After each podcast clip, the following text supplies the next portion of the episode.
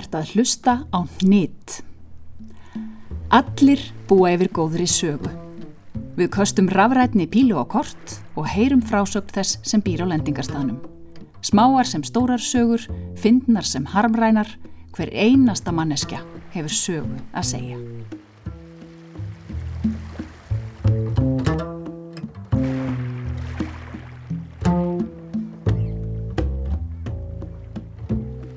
Kæri hlustandi, við höldum áfram að heyra sögur frá viðmælendum sem valdur er af handahófi.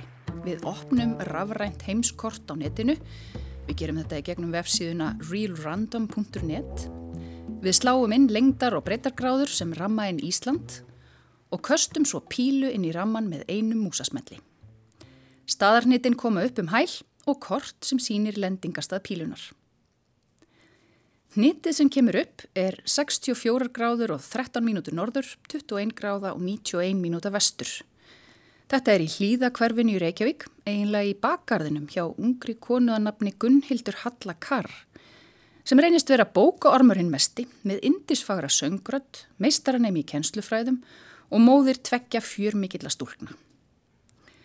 Gunnhildur er komininga til mín kæri hlustendur og ætlar að segja okkur sögu af sellói, fjarstöttum feðrum og tengslum við upprunan. Svo þið geti síðana fyrir ykkur í huganum, þá er hún 29 ára með ljósbrúnt liðað hár og stór afarfalleg djúb brún augu sem geysla frá sér hlýju. Velkomin Gunnildur. Takk fyrir það. Hvar hef ég við þessa sögu? Herði, já, það er góð spurning. Ég, við hefjum hana uh, í desember 1989 en jáfnvel fyrr. Þetta var svo þannig að uh, mamma var að læra á cello út í Englandi og hún var að læra hjá manni sem að heitir Colin Carr og var mjög virtu celloleikari þar. Og uh, svo útskrifaðist hún og og flytti til bandaríkjana, ætlaði að læra meira þar og, og fór svo og langaði að sjá hann spila tónleikum í Belgíu Já. og hann var að spila þarna í Brussel og hún kom svona sem ykkur svona grúpja og svona sellogrúpja og Þetta er mikill eh, virtuós.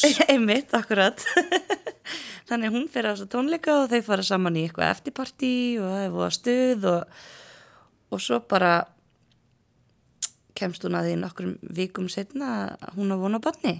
Já. og sem vil svo skemmtilega til að, að sé ég.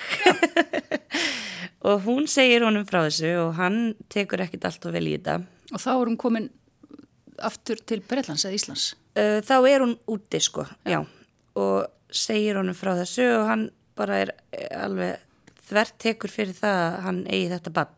Og hann er sko ekki að verða pappi einhvers svona lausagangsbars og mamma segist vera alveg handvissum að þetta sé hans barn og hann hérna, verður svo reyður að hann bara veginn að hún ákveður bara að flytja heim til Íslands og alla þetta barn upp sjálf.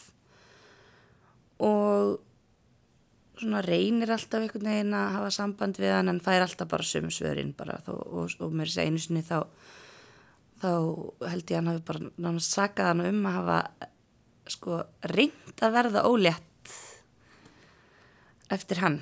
Svo að hún gæti eignast svona rosalega fínt bann sko svona, svona góða genablöndu og, og, og hæfileika ríkt bann Þannig að hann gengst aldrei við banninu? Nei, hann gerir það aldrei.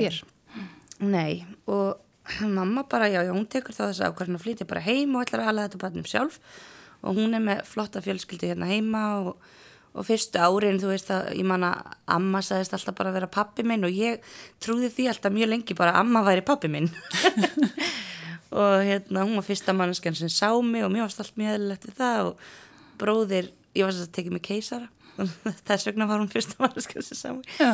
en bróðir mömmu býr með henni og, og ég svona elst upp hjá svona mörgum einhvern veginn föður mörgum feðrum þó svo að enginn þeirra hafi svona verið minn, minn blóðfæðir Já. og svo kynnist hún reyndar manni þegar ég er tveggjóra og þau taka saman og þannig ég á alltaf pappa á alltaf, alltaf með þessa föður ímynd þú veist þó svo blóðfæði minn hafa aldrei verið í myndinni. En hann já, flytur, þau flytja einn saman bara þegar ég kannski tveggju háls eða eitthvað. Og, og þá hérna. Þannig þú ert rík að fjölskyld. mjög, virkilega. Og þá fer mamma eitthvað svona að hafa samband við Colin aftur. Og það er eitthvað svona í tengslum við meðlag og, og svona hluti sem að sem að kannski voru ekkit var ekkit búið að greiða úr á þessum tíma. Já. og fer til útlanda, þannig að fer til Englands þegar ég er fjögur ára, við förum saman. Ég man eftir þessari ferða því að ég, við vorum að ná einhverju flugi á Heathrow og við vorum að hlaupa og ég guppaði á, flug, á gólfið. Þannig að ég, hún er mjög sterk þessi minning sko. Og við náum fluginu og förum hann að hittum hann sem að hann býr eitthvað staðar rétt hjá Oxford ef ég mann rétt.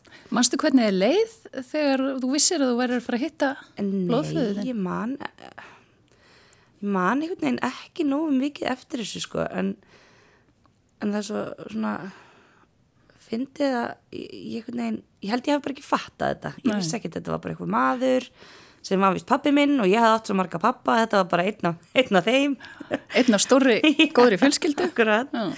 Þannig að við förum að hittum hann og hann býr í bara einhverjum kastala og þar er eitthvað hægt að ringa einhverjum bjöllum og þetta er svona allt og svona, svona þessar minningar eru ekki alveg þetta er svona, svona, svona myndaminningar ég man eftir því þegar ég sé skoða myndaalbum þá finnst mér eins og ég muni nákvæmlega hvað ég var að gera Já.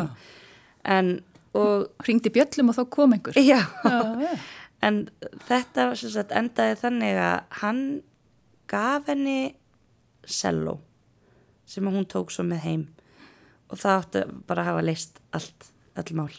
Já, varandi uh, meðlög og já, styrring. já, Já. akkurat. Og hérna, við ferum þá heim og bara, Með þetta seló. já, með sellóið. Og svo bara lifi ég voða eðlilegu lífi sko ég bara fyrir grunnskóla og alltaf bara mamma og pappi sérst fóstupappi minn. Líka skemmtilega að sagða með það því að hann kom svo snemma inn í mitt líf og það þekkja það margir sem eignast fóstupappa sama hvenar það er að það er alltaf þetta svona tímabila sem foreldra fara að spurja sig er ekki komin tími til að börnin fær nú að kalla því pappa? Eða börn, þú veist og, og það hefur mamma örglega reynt með mig nema ég var mjög fljóti máls og var alveg eins ás farin að tala mikið og átti frængu móðursýsti mín var svona meira eins og sýsti mín. Hún var átta árum eldri en ég og, og hún kallaði hann alltaf bara Þórð Já. pappa og ég gerði bara allt sem hún gerði. Þannig ég hef aldrei kallað hann pappa. Ég, ég tala um hann svona og "Auðvitað, þetta sé pappi minn sem hann er. En hef aldrei einhvern veginn geta vanist í að nota þetta orð sem er svona svolítið svolítið skrítið. Já, þú bara helsti við Þórður. Já, gerði það. Og það er ekkit það að ég, mér þykir minna væntum hann eða neitt. Eða ég viðurkenni ekki að hann sé pappi minn sko, það, það, er, það er ekki svo leiðis en já og uh, við satt bara lifum, búum þarna í Hafnafyrði, flytjum svo til Fraklands og ég egna sískinni og, og fer svo í MH og það var svona á þeim tímapunkti svona kannski kringum tí, í tíundabæk þegar ég var svona 16 þar sem að ég fór allt í einu að pæla svona eitthvað aðeins í hver pappi minn væri og, og sagt, blóðfæði minn og þá Þið fyrir að langa til þess að leita þessu. Já, og ég hef alltaf verið fóða svona viðkvæm og svona til, tilfinningarík manneskja. Ég græt, ég er alltaf grátandi og það, þú veist, ef það er eitthvað fallegt, eitthvað sorglegt, bara stundum finnst mér auglýsingar í útvarpinu svo fallegar að ég bara tárast og, og græt þegar ég syng, ekki að því mér finnst þetta svo fallegt hjá mér heldur bara Já, þú ert svona hrifnæm. Já, mjög hrifnæm. Og hrifnæmari heldur en aðrir Já. í fjölskyldunni sem eru genetíst skildiðir, já. Akkurat, og það var alltaf að tala um þetta miðjarðarhafsblóð í mér. Mm. Alltaf verið að tala um þetta miðjarðarhafsblóð, gefingablóðið og, og ég svona hafði aldrei neitt hugsað út í að fyrir kannski þarna og svona já, ég væri til í að vita meira hvað, þú veist, hver er þessi pappi minn og hvað, kannski á ég eitthvað margt samílegt með honum sko, fjölskyldinni minni þar mm. Og þá var hann búin að eignast sko þrjú börn, öll svona strengja hljófara snillingar sko. Og mér langaði svona svolítið að kynast þeim eða allavega koma staði hver þau væru og svona. Þannig að mm. mér minnir að mamma hafi sendt honum tölvupóst. Já, þú berð, berð þetta upp við mömmuðina og, og hún Já. sendur hún tölvupóst. Já, og hún svona sendur honum tölvupóst af því ég kannski hef ekki alveg kerkin í það og segir svona já, Gunnildur væri til ég að vita kannski hver, meira, um þig og, og um sískinni sín og svona og, og hann bara svarar jafn dónarlega og hann hefur alltaf gert sko Já. bara vil ekkert með mig hafa og, og, og fer fram á bara DNA próf eða eitthvað svona, þetta var alveg eitthvað fáránlegt Já. og þá bara einhvern veginn svona gaf ég upp móðin sko, ég bara sá engan tilgang að, að, reyna að halda þess áfram. Þanga til að ég var eitthvað þanga til að Facebook var til, til og þá fatt að ég, ég get fundið sískinni mín á Facebook. Já, komist fram hjá Já, komið fram með þessu kvikindi þannig. Nei, hann var örglega fín, ég ætla ekki að mm. draga neitt úr honum. En, og þá finn ég þess að uh, elsta strákin hans á Facebook og ég náttúrulega sé bara strax að þetta er bróðu minn sko því að það fer ekkert á milli mála við erum svo lík. Já, er það? Já, og svo sýstir, það er að tveir bræður og einn ein, ein stelpa og hún er eiginlega bara alveg eins og ég. Já það er mjög skemmtilegt Hvernig Já. fannst þér að skoða myndir að þeim? Það var gaman, sko, svolítið skrítið mér leði alltaf svona smá eins og ég væri að njóstnum þau og þau vissu kannski ekki endilega mér og en ég ákvað samt að senda honum skilaboð þessum elsta, þessum elsta. Mm. og að því að mér fannst nú bara að hlita vera hef, að, að, að pappa okkar hefði sagt honum eitthvað frá mér Þannig ég senda honum bara, hæ, þetta er ég, Gunnhildur, sýstiðinn frá Íslandi. Þú veist, það væri gaman að heyri í þér og hvað ert að gera í lífinu og hvernig, þú veist, hvað er í gangi og, og hérna, býð svo bara eftir að fá eitthvað svör. Nefnum að þau kom aldrei. Og svona árið setna þá reyndi ég þetta aftur og ég svona gekk svolítið á það svara mér. Mm. Og ég er ekki alveg vissum hvort hann hafi síð þessi skilabóð en allavega fekk ég aldrei, aldrei svar. Var þetta gegnum Facebook? Já. Já. Þú hefur ekki fengið svona merki um að þetta, hann hafi síðan skilabóð? Ég, ég man ekki hvort það hafi verið komið þá. Nei, það hefur ekki verið sá, sá möguleikin. Nei. Núna getur maður að séða það. Akkurat. Sem getur stundum svona verið tvíbent. Akkurat, sko. en þarna var það ekki þannig, nei. Nei, nema nokkrum árum setna þá allt í einu svarar hann mér. Já, Og... nokkrum árum setna? Já. Já þá segir hann bara uh, já bara hæ? Uh, ég var sérst bara að fá að vita af tilvistinni í gær. Uh, þá bara tók pappi mig hérna inn í bíl og sagði Clifford, við þurfum að tala saman. Það er dálítið sem ég hef ekki sagt þér í 15 ár. Og þá fóru þeir bara að spjalla saman um það að hann ætti þess að sýstur á Íslandi. Og þá fór svona boltin svolítið að rulla sko. Já. þá fóru við að spjalla og senda myndir og svona segja frá því hvað, hvað við værum að gera og, og þá einhvern veginn hefur svona kviknað þetta litla líf sem var inn í pappa mínum þannig eða þessi litla löngun sem hann hafði til þess að kynast mér. En hann allavega sendi mér langan tölvupóst sem að var eiginlega bara svona upptalning á fjölskyldumæðlimum og því sem þeir voru að gera. Já. þau eitthvað hús í New York hann er að kenna þar, þau eitthvað hús í Oxford og, sískinin er öll á strengjalögfæri og er að læra hérna veist, einn í Juilliard á leðinni, einn í þetta og hitt og, og svona, en það var ekkit, ekkit mikið meira þar. Og ég svar honum og segi já það væri kannski gaman að hittast einhvern tíman En hann, það er eins og hann uh, vilji halda þér í vissri fjarlæð samt. var, ég fekk það einmitt á tilfinninguna, sko, það var ekkit svona eitthvað frábært að heyri þér eða, mm. neitt svo leiðis en það var þarna samt svona smá eins og hann hefði viðkenda í fyrsta skipti að ég væri til. Veist, og viðkenda að ég væri dóttir hans af því að hann allavega, hann fær ekki að senda þetta á okkur sem hann tríð, kannski tríði því ekki endilega væri dóttir hans en hérna. Þetta lítur að hafa skiptið tölverið máli. Já, þetta gerði það.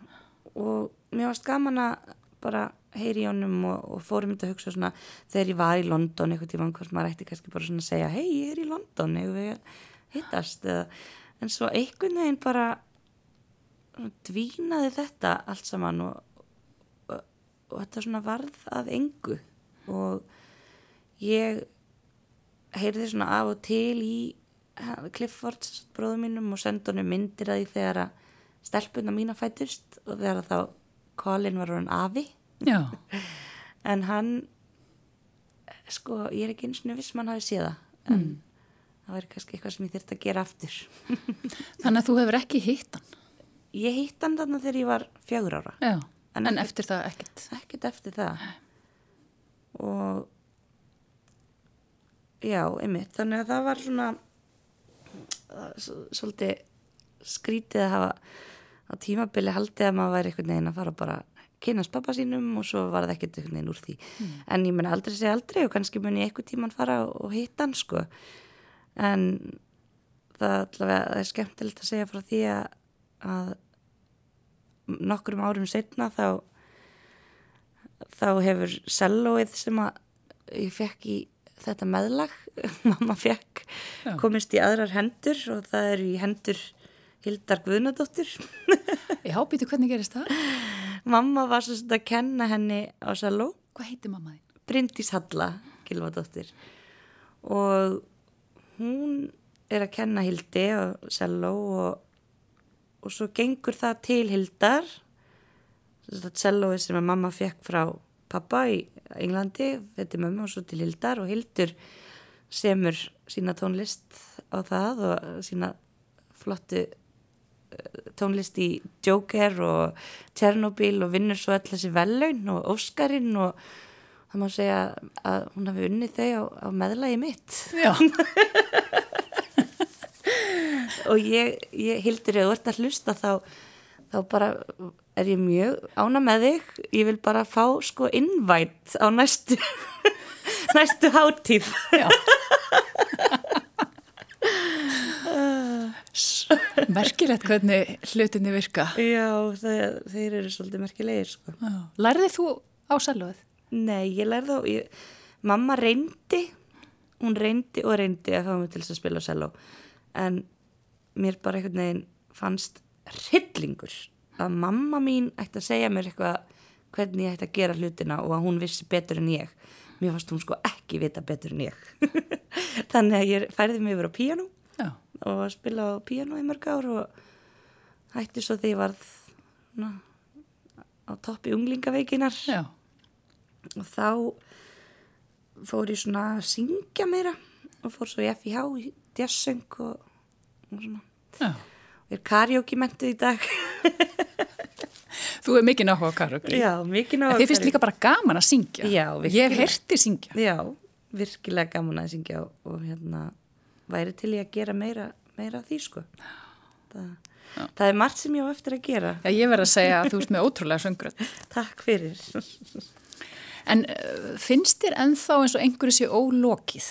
Fyrst að, að þú hefur ekki, fyrst þér þú hafa feng, ekki fengið þessar lúkningu sem þú ert að leita eftir? já, mér finnst það nú sko blóðföðin. Já, mér finnst það og ég, ég hef alltaf sagt að ein, einhvern tíman þá, þá mun ég nú fara og, og reyna að hitta á hann sko. Bara til þess að þú veist sína mig og sjá hann og segja hæ og ég vil taka stelpuna með mér, þú veist, hann er hann afi og hann veit kannski ekki endilega af því hvað hann á þú veist, frábær batnabötn og Já.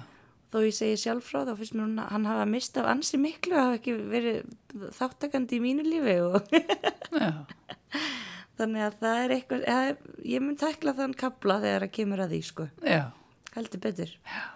En hugsaðu stundum til þess uh, að móður þín uh, var einstæð með þig á tíumbila minnstu kosti og, og þessi stóra fjölskylda hennar svona tekur utanum ykkur og þið verðið bara hluti af, af henni. Mm. Nú ert þú sjálf síðan einstæð móðir. Speklar þið svolítið í? Algjörlega.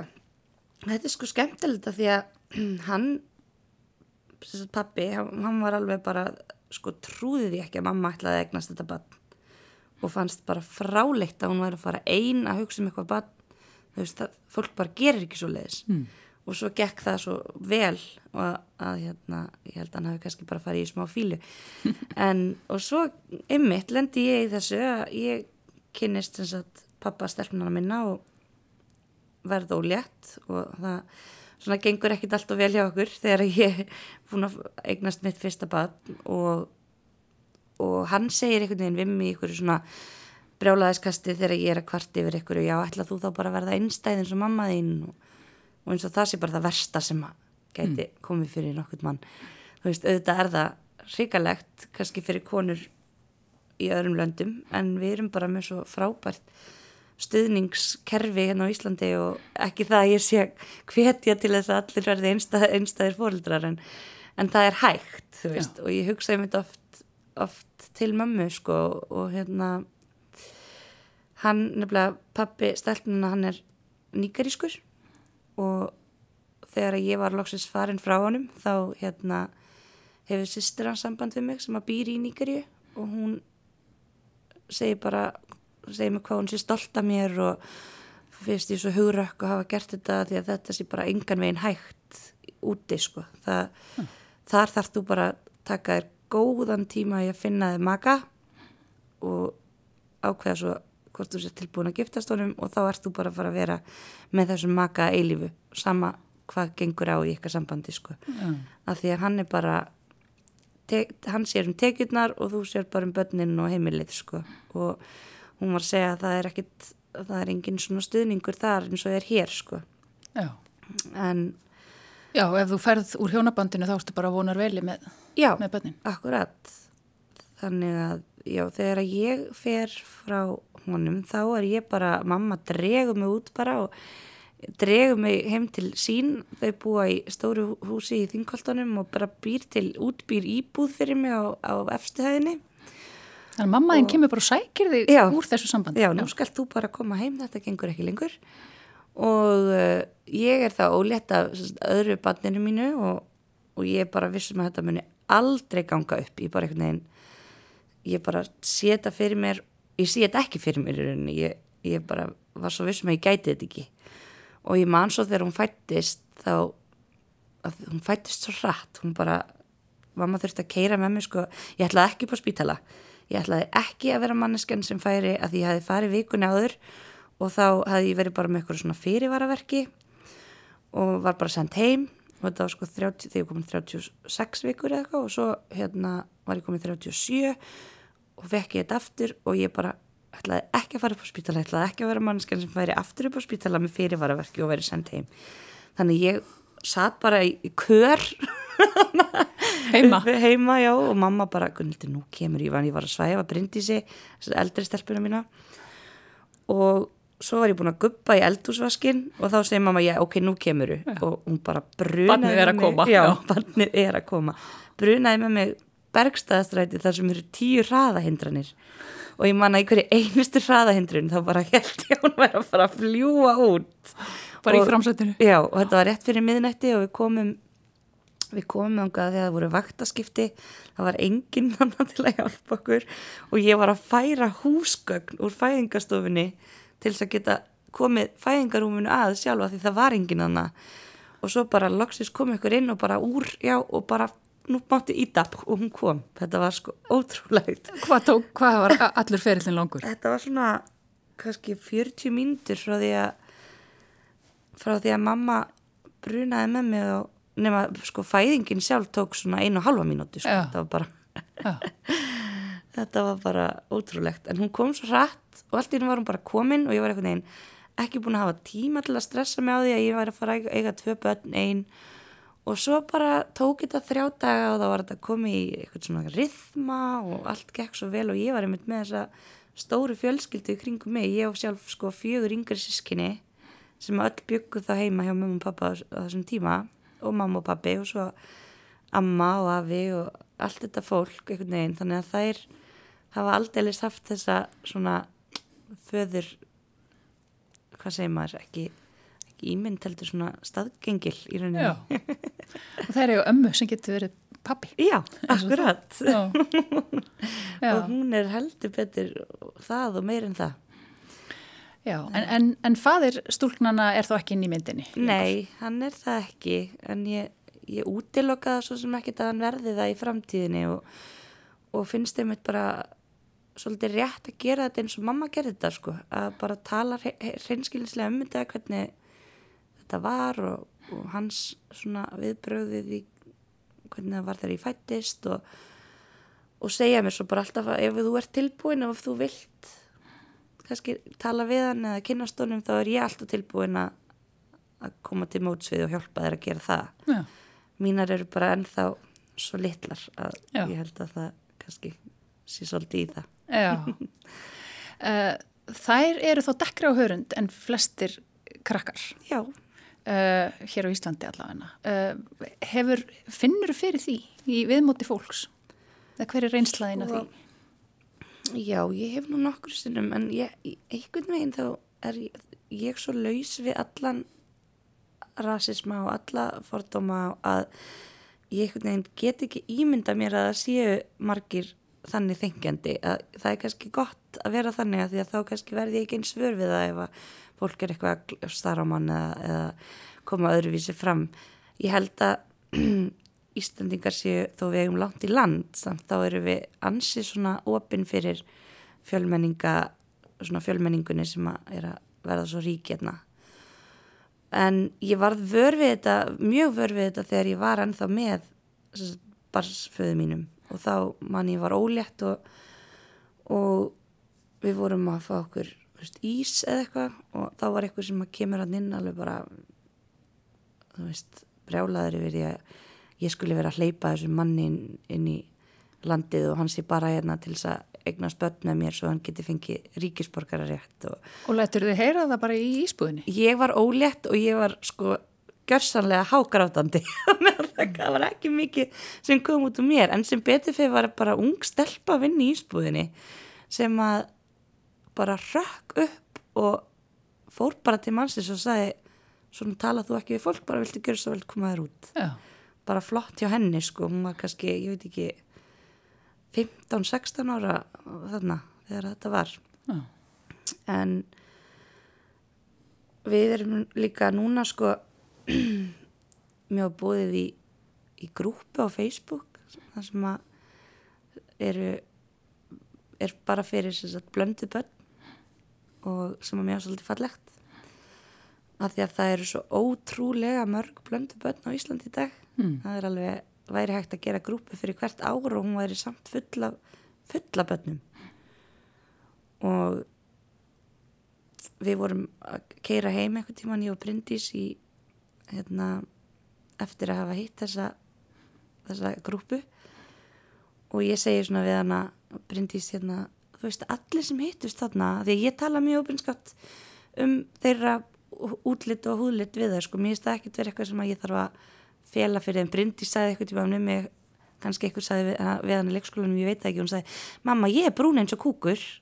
Og ég sagði, ég sagði já, en þú ert líka brún eins og súkulaði og líka brún eins og, en henni fannst það ekki hrikalegt að vera brún eins og kúkur en það var alltaf mjög relatable hjá henni.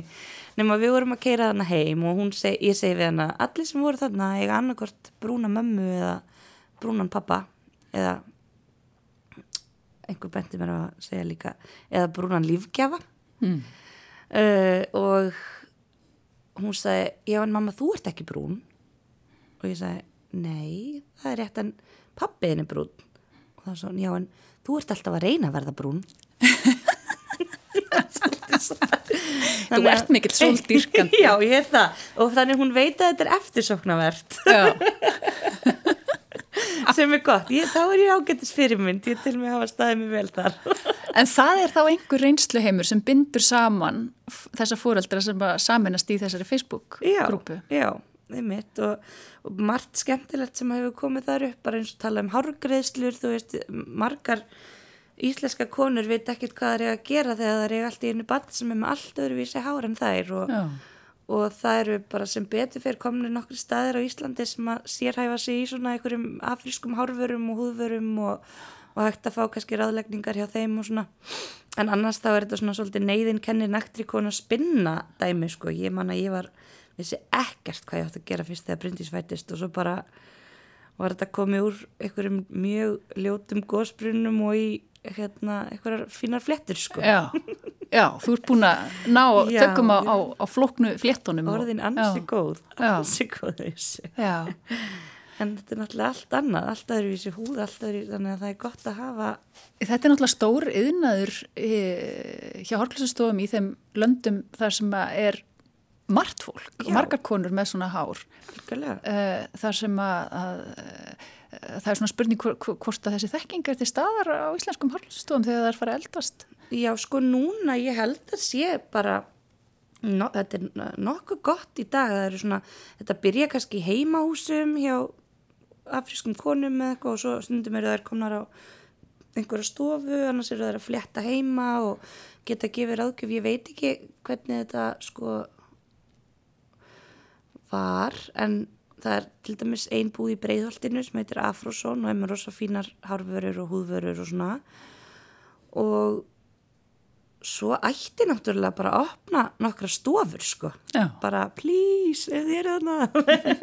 Af því það er bara, eru það margir það eru svo ótrúlega margir dökkir Íslandingar í dag.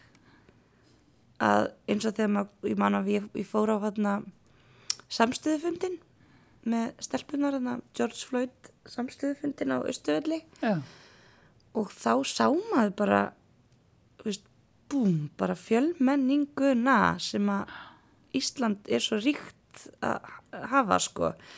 Veist, þetta litla land sem að var einu sinni bara einhver Jón og Gunna og nú er þetta bara svo skemmtilegt og það ætti bara ætti að poppa upp búðir hér og þar finnst mér sko. Já. ég allavega, ég tæki vel í það ef að einhver vil taka það sér að sér Þær eru náttúrulega svo litlar að kannski flóki að ræða við þær um uh, Black Lives Matter reyfinguna og það sem er að, er að gerast Já. svolítið á heimsvísu, það mist kosti í þessum vestrana heimi í, í tengslum við þá réttinda baróttu. Uh, Akkurat. ræ, er ekkert að ræður þetta við þér? Ég er sko búin að lesa mjög mikið um bara hvernig er hægt að ræða við svona ungbönn og það er svona, það eru margir sem segja bara, já, byrjaðu bara um leið og þær geta, veist, talað. Og margir sem segja, já, ég myndi kannski býða með það. En, en það sem að ég hef tekið út úr þessu er að bara tala um það, tala um þetta við þær bara á svona því máli sem þær skilja, bara, þú veist, og sína þeim bara að við stöndum saman, þú veist, við getum grátið saman, okkur finnst sorglegt að það sé komið svona fram við einhvern, taka þá kannski dæmi, þú veist, ef einhver á veist, eh, rauðan bíl eða einhver er rauðhærður eða einhver er, þú veist, þetta hitt, bara eitthvað sem að það skiptir engumáli að við erum öll eins og við erum öll manneskjur og við erum bara að elska og, og vera góðu hvort annað og það er svona svolítið það sem að ég bara verið að segja við þær Já. ég veit ekki hversu mikið þær er að taka inn eða hversu mikið þær skilja að þær séu eitthvað í einhverjum svona minni hlutahópi eða þannig en, en mér langar allavega bara sína gott fordæmi og mæta og sína samstöðu og, og taka þær með mér og þannig að þær geti séð veist og, og vonandi lært eitthvað af því Já. Um, það er fleira sem að þú getur sagt mér frá. Uh, við vorum í hálgjörum svona, uh, við vorum með svona hálgjörna valkvíða hérna þegar við vorum að reyna að ákveða hvaða sögur er hægt að segja. Þær eru, þær eru fleiri. Uh, það er til dæmis þessi saga því þegar þú varst að skrifast á við fanga á dauðadild í bandaríkjunum. Akkurat. Þá varstu bara unglingur. Já, ég byrjaði sko bara mjög ung. Ég byrjaði 16, uh, ég man ekki einu sinni hverja, ég byrjaði 14 ára eða eitthvað. Og það var að því að ég horfið á The Hurricane myndina með Denzel Washington þar sem að er fjallað um það hvernig hann er sagt, bara fórnalamp svona rasísks kerfis í bandaríkjónum og þá er einhverjir uh, Kanada eitthvað fólk frá Kanada sem að verður vitna þessu og fer að skrifast á við hann og mér finnst þetta svo ótrúlega áhugavert að ég einhvern veginn vildi bara gera það sama og ég vildi bara á þeim tíma frels einhvern og fangelsi bara með því að uppljóstra hvernig hann hefði verið ránglega tæmtur og svona, það var, það var draumurinn sko. Mm. En svo þegar ég byrjaði þá bara komst ég að ég að þetta var alveg, alveg frábært og þetta var rosa gefandi og, og að geta hjálpað þeim bara gera daginn þeirra aðeins betri, veist, með því að fá bref frá einhverju stelpu frá Íslandi og, og þá bara einhvern veginn var þetta að áhugamáli, eða ég veit ekki, eins, ekki eins og áhugamáli, bara eitthvað sem ég varð að gera mm. og gerði þetta bara í mörg, mörg ár og Var þetta þá í sumum tilfellum eini, fél, eina, eini félagslega eh, samtalið sem að já, við komum átti? Já, þeir, þetta var í gegnum einhverja heimasíðu þá sem að um, var eitthvað bara svona mannréttinda hóp, svona hópur eða svona einhver hópur sem var að berjast fyrir mannréttindum sem að bara koma af stað þessu svona penpál mm. dæmi og þá var þetta sko bara þannig að ég þurfti að skrifa bref og sendi post og hann sendi eins mm. en svo nokkur márin setna var þetta orði bara tölvu, ég gæti sendt tölvupost og hann gæti þá bara fengið, fekk þau þann tölvupost prentaðan út og svaraði mér svo í brefi sem hann hafi skrifað Og hvað segir maður við? Fyrst vissi ég ekkert hvað ég ætti að segja ég bara, fyrst er maður bara að kynna sig og svo einhvern veginn er maður farin að segja frá alls konar svona kannski aðeins persónlegar lutum og þá kem, opnar, opnar hann sig aðeins meira og segir frá sér og svo vorum við farin að tala bara svona svolítið um málið hans og, og hvernig hann liðið hann inni og, og fjölskyldun hans og við vorum alveg að grínast. Þetta var mikið hann talaði um, um mömmu sína og, og hvernig þau fór alltaf í kirkju og sungu og og hún hefði raskeltan og hún hefði, þú veist, þetta var bara við tulluðum um allt, þetta var alveg ótrúlega skemmtilegt. Sendi hann myndir af Íslandi.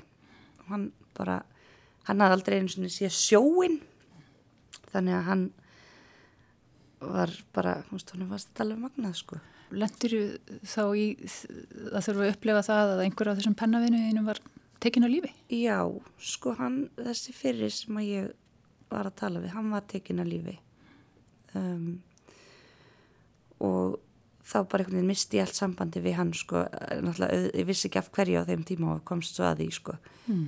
Um, svo fór ég að tala við eitt sem að ég er nú bara held ég ennþá sittur ennþá inni en ég hætti þessu svona þegar ég fór útskrifaðist um mentaskóla og fór að ferðast og hafði bara lítinn tíma fyrir þetta. Og ég mann maður fekk alltaf samviskubitt ef maður hafði ekki skrifað þú veist í þetta langan tíma því að þetta er svona það eina sem að þeir geta verið vissum, vissir um að þeir sé að fá og, og það er alveg skrifa sérstaklega um það að þú, þú byrjir ekki eða getur ekki sko skuldbundið þig, þetta þarf að vera alveg sérstaklega eitthvað sem þú getur hugsaðir að gera í langan tíma. Þú ert núna í meistranámi í kennslufröðum og allar þeir að fara að kenna unglingum í haust yes.